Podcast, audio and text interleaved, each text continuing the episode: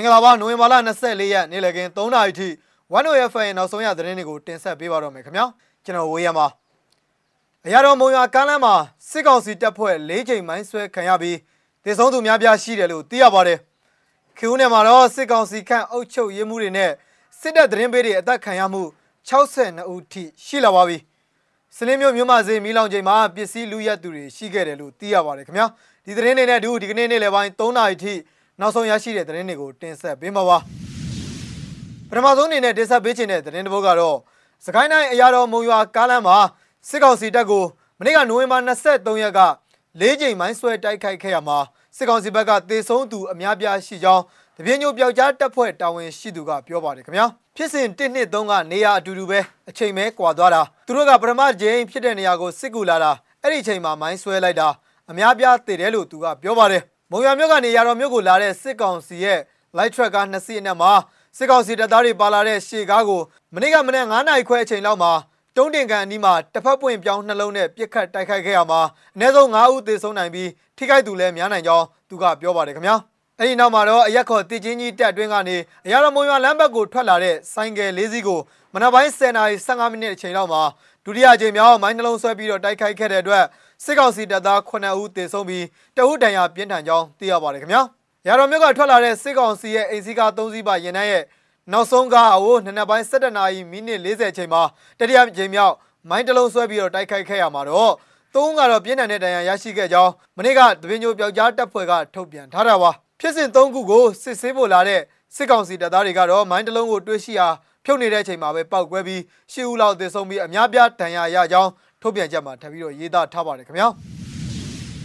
နောက်ထပ်သတင်းတစ်ပုဒ်အနေနဲ့ခင်ဦးမြို့နယ်မှာစစ်ကောင်စီသတင်းပေးတွေပြူစောတိအဖွဲ့ဝင်တွေနဲ့စစ်ကောင်စီခန့်အုပ်ချုပ်ရေးမှုတွေအသက်ခံနေရပြီးတော့အသက်ခံရသူဦးရေ62ဦးထိရှိလာပြီဖြစ်ကြောင်းတောကြီးမွေဟောက်အဖွဲ့ရဲ့စည်ရင်အရသိရပါတယ်ခင်ဗျာပြူစောတိအဖွဲ့ဝင်တဦးဖြစ်သူအုံးမင်ကုန်းကျေးရွာသားအသက်40ရွယ်ကိုချီဦးကတော့62ယောက်မြောက်အဖြစ်အသက်ခံရသူလည်းဖြစ်ပါတယ် ကိုချီဦးကတော့ပြူစောတိတွေကိုတင်နန်းတက်နိုင်မှုစီယုံနေတဲ့သူအကြမ်းဖက်စစ်ကောင်စီတပ်တွေကျေးရွာကိုဝင်ရောက်တဲ့အချိန်လမ်းပြခေါ်ဆောင်သူနေမြေချင်းနေသတင်းတွေကိုထောက်လန်းပြီးစစ်ကောင်စီထံကိုသတင်းပေးပို့နေတဲ့သူပြူစည်းရုံးရဲမှုဒလန်အကြီးစားရဲ့အတုံးတော်ခံတယောက်ဖြစ်ပါတယ်လို့တော်ကြီးမွေဟောက်အဖွဲ့ခင်ဦးကနိုဝင်ဘာလ23ရက်ရက်စွဲနဲ့ထုတ်ပြန်ထားပါတယ်ခင်ဗျာစစ်ကောင်စီသတင်းပေးဒလန်လက်နက်ကင်ပြူစောတိတွေနဲ့အုပ်ချုပ်ရေးမှုတွေကတော့နှွေဦးတော်လန်ရေးမှာ တက်ကြွလှုပ်ရှားသူတွေနဲ့စီရီယံပါဝင်သူတွေကိုသတင်းပေးတိုင်ကြားတာတွေပြည်သူ့ကာကွယ်ရေးတပ်ဖွဲ့တွေရဲ့လှုပ်ရှားမှုကိုသတင်းပေးနေတာတွေကြောင့်အဓိကထားပြီးတော့ရှင်းလင်းရတာဖြစ်တယ်လို့အဲ့ဒီပြန်ကြားရေးတာဝန်ခံကမစ္စည်းမကိုပြောပါတယ်ခင်ဗျာ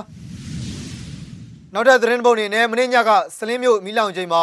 မီလောင်နေတဲ့ဆိုင်ကန်းတွေကပစ္စည်းတွေနဲ့မလောင်တဲ့ဆိုင်ကပစ္စည်းတွေပါလူရက်ခံခဲ့ရတယ်လို့ဒေသခံတွေစီကသိရပါတယ်ခင်ဗျာစလင်းမြို့မှာဈေးနဲ့ကတ်နေတဲ့ဆိုင်ကန်းတွေကမီလောင်တဲ့အထက်မှာမပါပေမဲ့ ဖောက်ထွင်းခိုးခံရသလိုမီလောင်နေတဲ့ဈေးတွင်းကဆိုင်တချို့ကိုလည်းဝင်လူကြသူတွေရှိတယ်လို့ဆိုင်ပိုင်ရှင်တို့ကပြောပါတယ်ခင်ဗျာတချို့ဆိုင်တွေကဖွင့်ကြတော့အတင်းဝင်လူတာခံရတယ်ဇော်ဒီကစတိုးဆိုင်ဆိုတဆိုင်လုံးကိုဗီဒီယိုတွေဖြတ်ပြီးတော့ယူသွားကြတာပါဈေးတွေကဆိုင်ကန်းတွေပစ္စည်းတွေလည်းဝင်အလူခံရပါတယ်လူတွေကသူများဒုက္ခရောက်နေတာကိုမကူညီပဲလှုပ်ရက်ကြတယ်ဆိုင်ကန်းတော်တော်များများဝင်အလူခံရတယ်လို့သူကပြောပါတယ်ခင်ဗျာ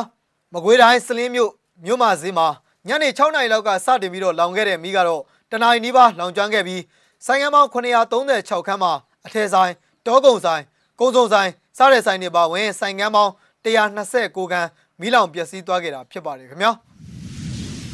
ဒီကနေ့နေ့လယ်ပိုင်းရဲ့နောက်ဆုံးသတင်းတစ်ပုဒ်အနေနဲ့နိုင်ငံတကာသတင်းတွေဘက်မှာတော့ဗိုင်ဒန်နဲ့ရှီထိပ်သီးအစည်းအဝေးပြီးမှပထမဆုံးချိန်ဖြစ်အမေရိကန်စစ်သင်္ဘောတစ်စင်းထိုင်ဝမ်ရေလက်ကြားကိုရောက်ရှိလာတယ်ဆိုတော့ AFP ရဲ့သတင်းတစ်ပုဒ်ကိုလည်းဆက်လက်ပြီးတော့တင်ဆက်ပေးချင်ပါတယ်ခင်ဗျာ